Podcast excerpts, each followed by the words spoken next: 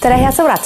suur rõõm teid jälle näha. nii kurvad soomlaste kurja käitumise pärast, nagu see lõppeval nädalal pole me ilmselt ammu olnud. kuigi soomlased taastasid pendelrände, oli see otsus tervikuna siiski äärmiselt pettumust tekitav. Soome tohib minna nimelt ainult lennukiga aga mitte laevaga, nagu me Soome tavaliselt läheme. kõik Eesti ametivõimude hurjutused, palved ja keelitused on kõlanud kurtidele kõrvadele ja soomlased on jäänud ükskõikseks isegi Euroopa Komisjoni näpuviibutuste peale. esimesest juulist peaks olema äh, siis, siis kindlasti võimalik, aga ma ei tea, on varem olnud ka teistsuguseid kuupäevi, mis ei ole paraku pidanud. aga riigikogulased ei maga. oo, kuis nii kaunis on hommik.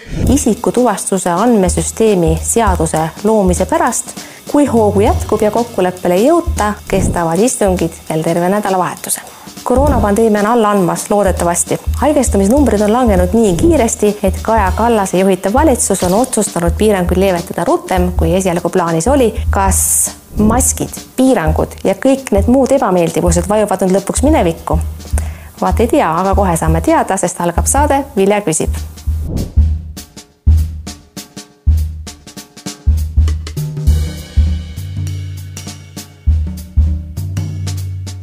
head sõbrad, mul on suur rõõm tervitada täna stuudios Arkadi Popovi armastatud tohtrit, keda te mäletate pandeemia kurjade päevade Terviseameti hädaolukorra kriisistaabi meditsiinijuhiga. kas ma ütlesin õigesti või eksisin ikka? me ei ole teid avalikkuses ammu näinud, kuidas teil läheb, täna te olete Lääne-Tallinna Keskhaigla juht ja mitte enam hädaolukorra meditsiinijuht. mida te teete? kuidas teil läheb?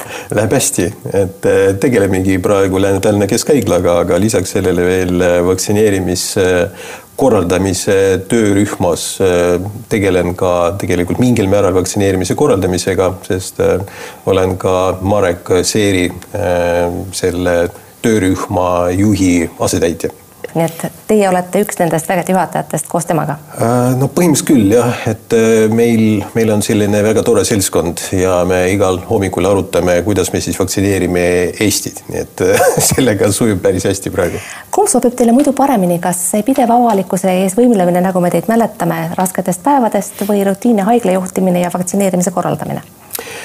Kõik sujub hästi ja kõik sobib hästi, selles mõttes on noh, ütleme, need on sellised väga lähedased ülesanded, et kui me räägime kriisi lahendamisest, siis see on see, mis mulle väga meeldib. Ja haigla juhtimine kriisiolukorras meeldib ka päris, päris väga kõrgel tasemel, ütleme niimoodi, see hea tunne, mis tekib siis, kui õnnestub kriisi lahendada selles olukorras. aga vaktsineerimine viimasel ajal, noh, nii nagu ikka, see on esimest korda Eesti ajaloos, kui tehakse sellist mastaapset vaktsineerimist. ja võib öelda, see on mingil määral ka kriisi lahendamine vaktsineerimisest tahaksin ma teiega rääkida kohe varsti põhjalikumalt kuid ma tahaksin korraks alguseks ja algatuseks tulla tagasi selle juurde, kuidas te Lääne-Tallinna Keskhaigla juhiks saite. mäletatavasti toimus äh, kunagi Terviseametis äh, verevahetus. Merike Jürilo lahkus äh, oma kohalt ja koos temaga siis ka Martin Kadai ja veel mõned teised inimesed, kuid teie tookord jäite siis veel Terviseametisse tööle. kuid mingil hetkel kandideerisite te Lääne-Tallinna Keskhaigla juhiks ja pärast seda on Terviseameti uus ja saite juhiks terviseameti uus juht Üllar Lann on avaldanud kahetsust, et äh, te ei jätkanud siis Terviseametis ja on viidanud sellele, et ähm, nõukogu ei pidanud seda sobivaks, kuid samas nõukogu liige abilinnapea Bettina Peškina on viidanud, et teie ise ei pidanud sellist olukorda kahel toolil istuda sobivaks kuidas siis päriselt oli, kas ajab siin Lanno jama või ei räägi Peškina päris õigust? Ma ütlen niimoodi, et äh, see oli tegelikult kaalutletud otsus omal ajal. Ja põhiprobleem seisnes selles, et äh, noh, haigla juhtimine on päris tõsine ettevõtmine, eriti siis, kui sa ei ole varem seda teinud, sest äh, siiani noh, ma tegelesin, enne seda ma tegelesin kiirabiga ja kiirabikeskuse juhtimisega ja ma tegelikult teadsin, kuivõrd mahukas on see töö nii ühelt poolt juhtimise osas näiteks kiirabikeskuses kui ka paralleelselt meditsiini juhtimine. ja ausalt öeldes, et kui me pidime rääkima juba haigla juhtimisest, eriti kriisiolukorras, siis see koormus, mis reaalselt tuli ka koos sellega, sest haiglas töötab oma staap, mida on vaja juhtida ja omad probleemid. Ja kui lisaks paralleelselt jookseks üleriigiline selline tõsine ülesanne ja just juhi rollis peaksin ma esinema edasi Äh, ma kardan, et äh, lihtsalt ei jääks aega kas äh, üheks või teiseks tegevuseks. Mis on inimlikult täiesti arusaadav, kuid ma ei saa mööda kiusatusest tuletada meelde skandaal, millega te ametist saite, mäletatavasti tookord, tookordne nõukogude, nõukogu liige Peeter Mardna rääkis avalikult välja, et see konkurss on selline lihtsalt puhas pakasuha, niikuinii määratakse Arkadi Popov ametisse, nii ka läks ja mäletatavasti Marna siis kaotas oma koha, sellepärast et ta liiga laialt äh, sellest juttu tegi. kuid äh, küllap tundus teilegi, et äh, mõnevõrra selle konkursi usaldusväärsus tänu sellele skandaalile langes. noh, võib-olla saite isegi teie pisikese pleki maine peale või kuidas? no ma ütlen, minu jaoks see skandaal oli täiesti ootamatu, päris ausalt ja noh, see, sellest me oleme ka varem rääkinud, et äh, jah, mul äh, olid äh, näiteks linnapeaga noh, suhted seoses kriisiga, kriisi lahendamisega, me tegime ka koostööd siin Tallinna linnas. Ja see, et konkurss tuleb, noh, sellest oli vahepeal juttu mööda minnes, et selline konkurss olemas, jah, et ja, ja põhimõtteliselt noh, võib osaleda ja sellega asi piirdus kõik, et no miks mitte.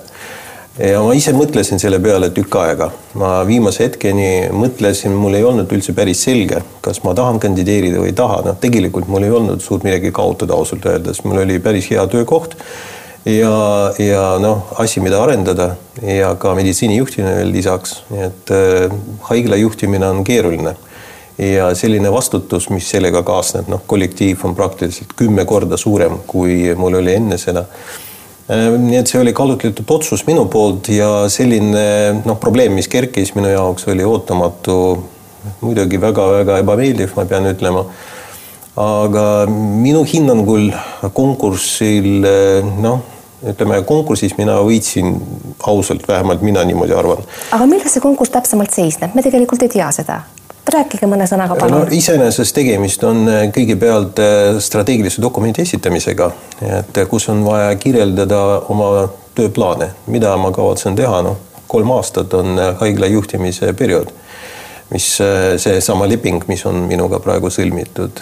Ja, ja siis ma pidingi tegelikult esitama oma visiooni selle kohta, kuidas haigla edasi areneb. Äh, pean tunnistama, et selle poole aasta jooksul, mis ma praegu sellel ametipostil olen, äh, kõik need sammud, mis olid seal kirjeldatud, äh, vaikselt täiduvad, nii et ja lähevad ellu.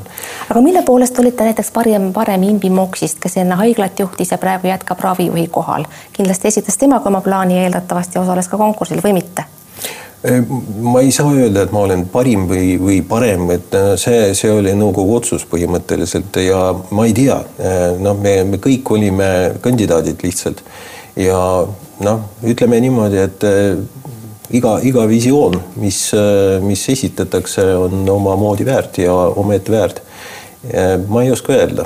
kas Imbi Moksiga teil ei jäänud mingit sellist väikest rusikat taskusse, sest tema ju pidi oma kohast loobuma ravijuhina ta siiski ei ole enam kõige tähtsam inimene selles asutuses. ma ütlen, et meil on suurepärased suhted ja me oleme täiesti väga head kolleegid ja, ja ma, ma ei karda seda sõna ka sõbrad, nii et äh, meil on suurepärane tiim praegu. seda on hea kuulda. aga mitte kõigest sellest ei tahtnud vaid ma rääkida, vaid ikkagi pandeemiast, sest kui keegi võiks meile nüüd kinnitada, et see õudus on ükskord läbi, päriselt läbi nüüd ja möödas, enam ei tule tagasi, siis olete see teie, sest äh, teil on see eelmisest koroonalainest kogutud kapital ja rahva armastus, mis teeb teie sõnad usutavaks. on see siis nüüd lõpuks möödas, kas me võime kergendatult hingata? no ma arvan, et ta praktiliselt möödus ja noh, meie haiglas viskasime nalja siin juba noh, poole aasta jooksul, et millal see lõplikult meil kaob või millal me saame punkti panna, see on mingisugune ulmeline kuupäev, viisteist juuni ma millegipärast arvan, et suurema tõenäosusega päris varsti juba selline asi nagu hädaolukord äh, meil äh, lõpeb ja me hakkame rääkima jälle kas hädaolukorra ohust või igal juhul olukord tõesti läheb paremaks ja hetkel praegu hädaolukord tervishoiusüsteemis meil endiselt olemas, me ei saa öelda ja ta on välja kuulutatud, me ei saa öelda, et meil on kõik, kõik väga hästi. me oleme kollases alas. aga iga päevaga olukord tõesti paraneb, nii et varsti on käes. Viimastel nädalatel on nakatumisnumbrid langenud erakordselt kiiresti. Ja mina ei ole päris täpselt aru saanud, mis on selle põhjus, kas me käitusime nii hästi, nagu Terviseamet on meid hurjutanud käituma, ähvardades, et muidu jääb suvi ära ja puha, nagu peaminister on meid hurjutanud käituma, samuti ähvardades sellega, et viimati jääb suvi ära. aga numbrid on läinud üpris heaks ja tegelikult isegi langenud, langemist jätkanud siis, kui piirangud lõdvendati. mis siis ikkagi on see tõeline põhjus, miks nad nüüd niimoodi on kukkunud kiiresti? noh, eks piirangud äh, kindlasti töötasid ja, ja ministritel on õigus, et nii nagu nad ennustasid, nii läkski ja tegelikult äh, teadlaste nõukoda ka äh, seda ennustas.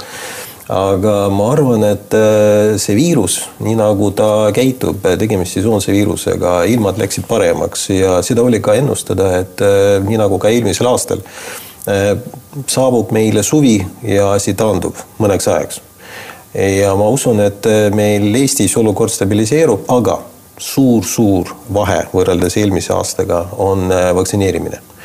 ja ma arvan, et äh, sellel on praegu võti. tegelikult, kui me teame, et meil täielikult kaitstud selle haiguse eest juba rohkem kakskümmend protsenti elanikkonnast peale vaktsineerimist, aga ka lisaks veel on circa kümme Äh, protsendi meie elanikkonnast on seda läbi põdenud, nii et äh, see number on juba üle kolmekümne protsendi. Äh, pluss lisaks veel need, kes on esimese doosi alles saanud, mingil määral nende antikehad on juba välja kujunenud. et see kaitse tegelikult soodustab sellele, et nakatumise määr jõuliselt langeb. aga karja immuunsusest me millegipärast enam ei räägi, mäletatavasti oli sellest kunagi palju juttu, kuid see ei ole enam sõna, mida me kasutaksime uudistesse. miks see eesmärk on kuidagi ära haihtunud? noh, võib-olla me nimetaksime seda natukene teisiti, et see on kollektiivne immuunsus või kuidas iganes me seda nimetame, noh, fakt on see, et kui umbes kaheksakümmend protsenti elanikkonnas on immuunsed inimesed, noh, see ongi kollektiivne immuunsus elanikkonnas, seitsekümmend protsenti inimesi, kes on vaktsineeritud ja kümme protsenti need, kes on läbi põdenud, kaitse on käes ja noh, meie haigla näitel on äh, päris, päris hea seda illustreerida.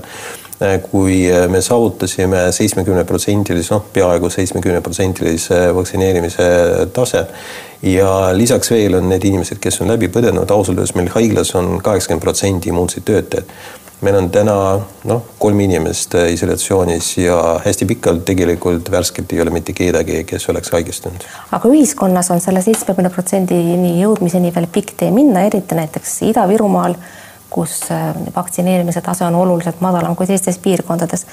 mismoodi saaksime me selle seatud eesmärgi kätte, on suur hulk inimesi, kes keelduvad põhimõtteliselt, kuid on ilmselt ka neid, keda saaks meelitada, ma ei tea, võib-olla õllega tordiga, millegi muu toredaga või hoopis piitsaga? mis iganes, tegelikult eh, ma arvan, et siin eh, noh, igasugused variandid peaksid töötama ja neid peab kasutama, sest meie huvides on see, et eh, Eestis taastuks normaalne elu ja meie ei peaks mitte midagi kinni panema, et haiglad ei oleks ülekoormatud, suremust sellesse haigusesse keegi ei sureks ja suremust ei oleks ja inimesed saaksid reisida vabalt, äh, õppida vabalt. Äh, see on see, mille nimel me vaktsineerime ja ma arvan, et siin igasugused variandid sobivad hästi.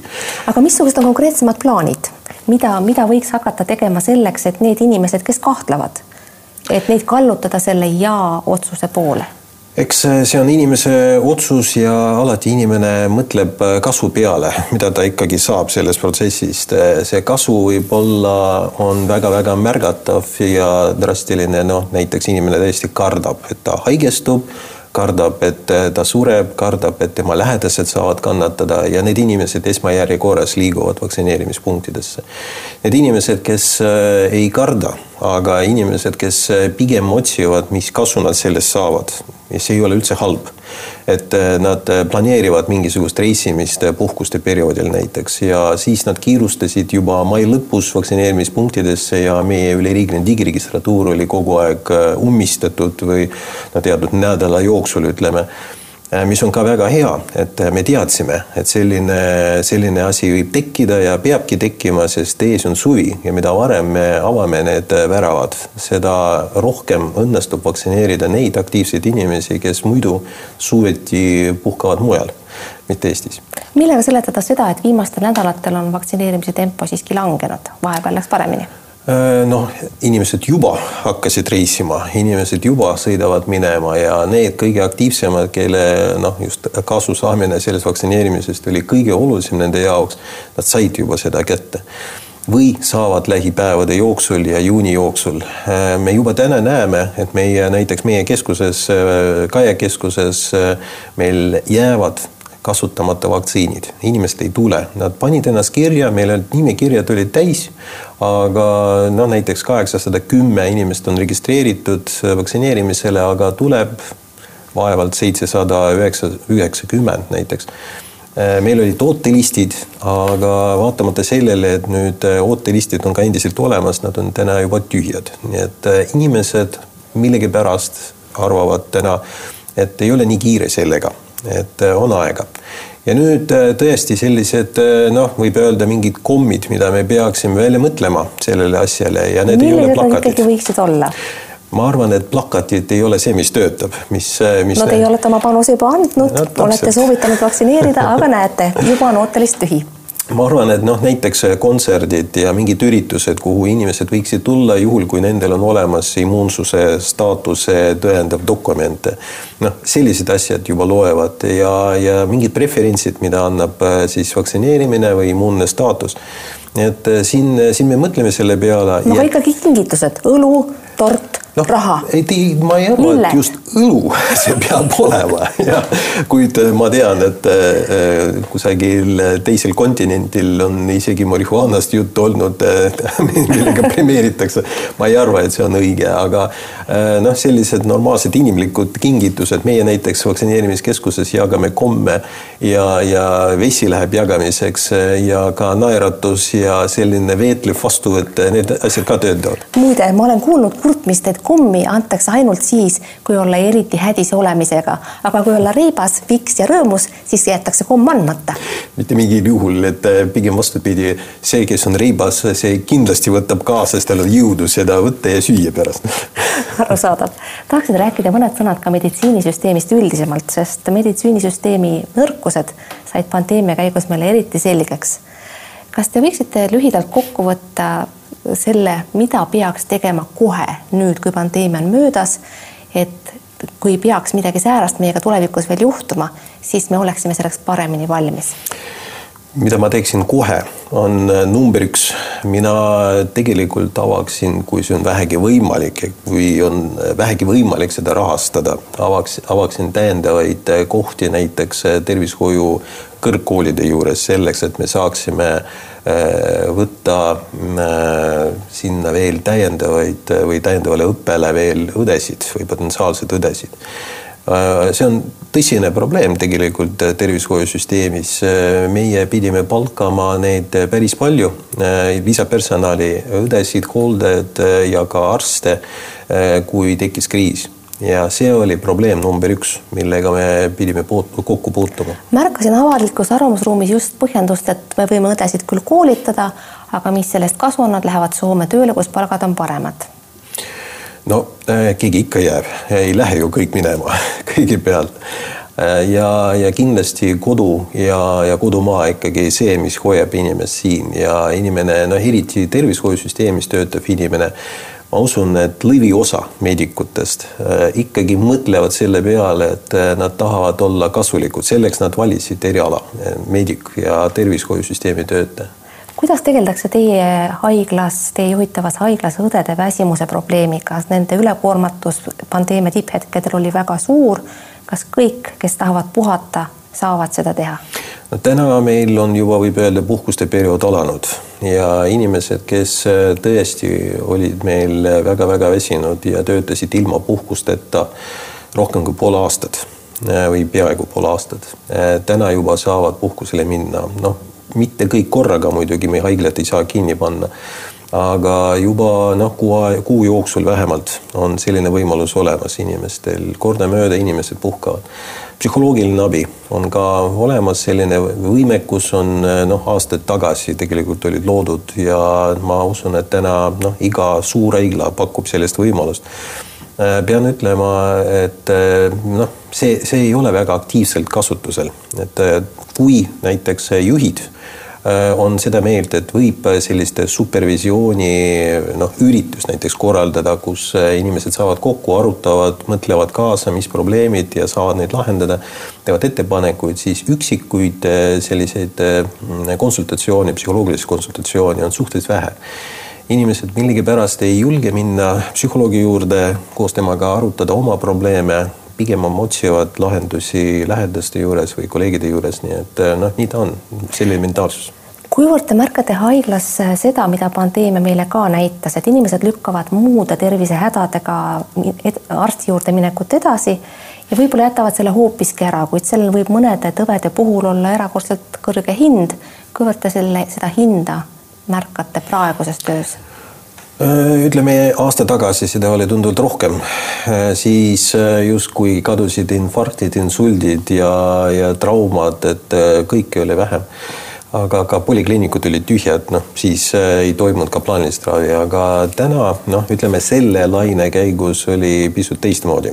Ja meil küll koridorid meie polikliinilistes üksustes noh, ei olnud nad ülitäitunud, aga tegelikult inimesed kogu aeg käisid ja ambulatoorne vastuvõtt ei olnud meil piiratud. samas me märkasime, et inimesi tuleb vähem ambulatoorsele vastuvõtule üldse. nüüd on ülekoormatud erakorralise meditsiini osakond ja juba kuu jooksul praktiliselt. EMO töötab äh, niimoodi, et kui meil no ütleme aastaid tagasi oli keskmiselt viiskümmend, maksimaalselt kuuskümmend inimest päevas meie erakorralise meditsiini osakonnas, täna on see kaheksakümmend. ja see märgatav kasv on toimunud eh, vot selle poole aasta jooksul ma arvan, et eh, teatud eh, plaanilise ravi ärajätmine või katkestamine või piiramine nii või naa mängis oma rolli, et me seda tunneme praegu erakorralise meditsiini osakonnas. missugune võib see pilt olla näiteks paari aasta pärast, kus need inimesed, kes õigel ajal abi ei saanud, hakkavad kannatama võib-olla märksa raskemate haiguskujude all, kui need veel praegu välja paistavad? no äh, ma ütlen, et äh, pigem, pigem on äh, see selline äginemine praegu, mida me näeme ja tegelikult plaaniline ravi on täielikult taastunud igal pool haiglates ja ka meil haiglas töötab ta sajaprotsendilise mahuga ja meie noh, teeme järgi kõik, mida on vaja teha ja ma usun, et me lepingud saame täis, äh, haigekassa lepingud saame täis, nii et äh, sisuliselt inimesed, patsiendid saavad lõppude lõpuks kogu teenusepaketti, mida nad pidid saama. aga küll teatud noh, hilinemisega võib öelda, nii et ma ei usu, et sellel epideemial noh, välja arvatud need asjad, mis on tingitud konkreetselt Covid tüsistustest, on meil väga tõsised tagajärjed noh, ütleme aastate lõikes tahaksin teiega mõne sõna rääkida ka Tallinna haiglast, mille jaoks on siis raha küsitud ka Euroopa Liidust, aga saadakse kindlasti vähem, kui küsiti või kui läheb kehvasti, ei saada üldse. Tallinna linnapea Mihhail Kõlvart on öelnud, et siis tuleb plaanid ümber teha. kuid äh, olen vahel mõelnud, kas meil ikkagi on üldse nii suurt haiglat vaja, teiegi viitasite, et pigem oleks esmane asi koolitada õdesid ja tegelikult terves meditsiinisüsteemis on ju rohkem inimeste nappus kui puudus betoonist või masinatest või uutest majadest? teate, tegelikult järjekorrad erialaarstide juurde on olemas ja noh, võimalik, et nad tõesti viimaste aastate jooksul natukene lühemaks muutunud, aga iseenesest inimene tahab arsti juurde pääseda. ja, ja inimene tahab pääseda kvalifitseeritud äh, eriarsti äh, juurde ja kvalifitseeritud abi, äh, kaasa arvatud diagnostiline ja raviprotsess äh, on see, mida kaasaegne inimene vajab. Äh, ja praegustes tingimustes kahjuks betoon ja need tehnoloogiad, mida me kasutame, noh, konkreetselt meie kahes haiglas, ma räägin Lääne-Tallinna Keskhaiglas, Ida-Tallinna Keskhaiglas, on piiravaks faktoriks sellele asjale. Väga-väga konkreetsed näited, et noh, meie haiglas on täiesti näiteks kirurgiline võimekus on piiratud, me saaksime tunduvalt rohkem teha ja kirurgid sooviksid tunduvalt rohkem teha, oleks meil rohkem operatsioonitubasid, aga meil füüsiliselt neid ei ole. Ja selleks, et ümber ehitada, me peame noh, mõtlema, kuhu me laieneme veel, aga betoon on ees nii et Tallinna haigla tulgu igal juhul teie meelest? ma arvan, et see on möödapääsmatu, et vastasel juhul me jäämegi toppama sinna ja samas elanikkond meil vaikselt kasvab, nõudlus kasvab, elanikkond ka vananeb, mis on ka väga oluline ja noh, mida vanem inimene, mida kauem inimene elab, seda rohkem ta vajab äh, tervishoiusüsteemi toetuseks ja ilma selleta mitte kuidagi ei pääse, nii et äh, arusaadav. lõpetuseks tahaksin uurida härra Popov teie käest, et ma vaatasin täna hommikuse seisuga, te pole veel Keskerakonda astunud, aga millal see siis ikkagi juhtub? miks siis Keskerakond tingimata? no ma mõtlen, et see võis käia umbes niimoodi, kui Kõlvart teid sinna haiglajuhiks pani, et äh, ta võis rääkida umbes nõnda. ma fantaseerin praegu, aga noh, miks ka mitte. et äh, tead, Arkadi, no ikka sa kandideerid ju kohalikel valimistel, ütles härra Kõlvart, ma kujutan ette ja teie ütlesite, et eks ma võin ju selle peale mõelda ja noh, kui ma siin mõtlen selle peale omakorda, siis enamik haiglajuhte on parteis. Teil oleks palju kergem asju ajada esiteks, no ega siis volikogusse ei pea minema, võite niisama hääled Keskerakonnale anda näete, kui huvitav mõte. peale teie sõnu ma hakkan mõtlema selle peale, väga huvitav mõte. kas Mihhail Kõlvartiga tõesti ei olnud juttu Keskerakonda astumisest? teate, siiamaani ma olin täiesti erapooletu ja ma ei ole ma ei ole kunagi mõelnud otseselt eh, poliitiku karjäärile. aga nüüd? aga nüüd eh, ma tõesti peale teie sõnu, ma ei tea, mis ma teen, et eh, kes teab. minu, minu moto on selline, et ära mitte kunagi ütle mitte kunagi ja mitte mingil juhul mõtle väljakutsete peale, aga see sugugi ei tähenda seda, et nüüd ma jooksen kuhugi ja astun, astun erakonda no kohalikud valimised on tegelikult juba päris lähedal. Keskerakond saab, saab teie armastatud äh, Arkadi Popovile antavad hääled ainult juhul, kui te erakonda astute. enne kohalikke valimisi ju tegelikult veel jõuab. noh, eks elame-näeme suur tänu, Arkadi Popov teile selle vestluse eest, head sõbrad, aitäh, et te vaatasite, vaadake teinekord ikka jälle, elage vahepeal hästi, kuulmiseni, nägemiseni